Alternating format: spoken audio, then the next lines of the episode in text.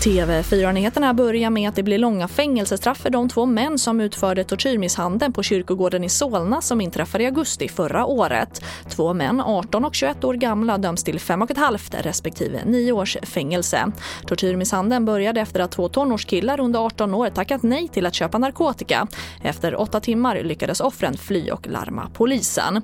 Och mer om det här kan du se på tv4.se. Och Camilla Ask utses till vikarierande generaldirektör för MSB efter Dan Eliassons avgång igår enligt ett pressmeddelande. Eliasson avgår efter att han fått mycket kritik efter att det framkommit att han varit på resa till Kanarieöarna. Något som går stick i stäv med de rekommendationer myndigheterna gett svenska folket under pandemin. Och sen till USA där kongressen nu formellt godkänt Joe Biden som landets nästa president efter det kaos som utspelade sig utanför kongressen igår kväll då totalt fyra personer dog.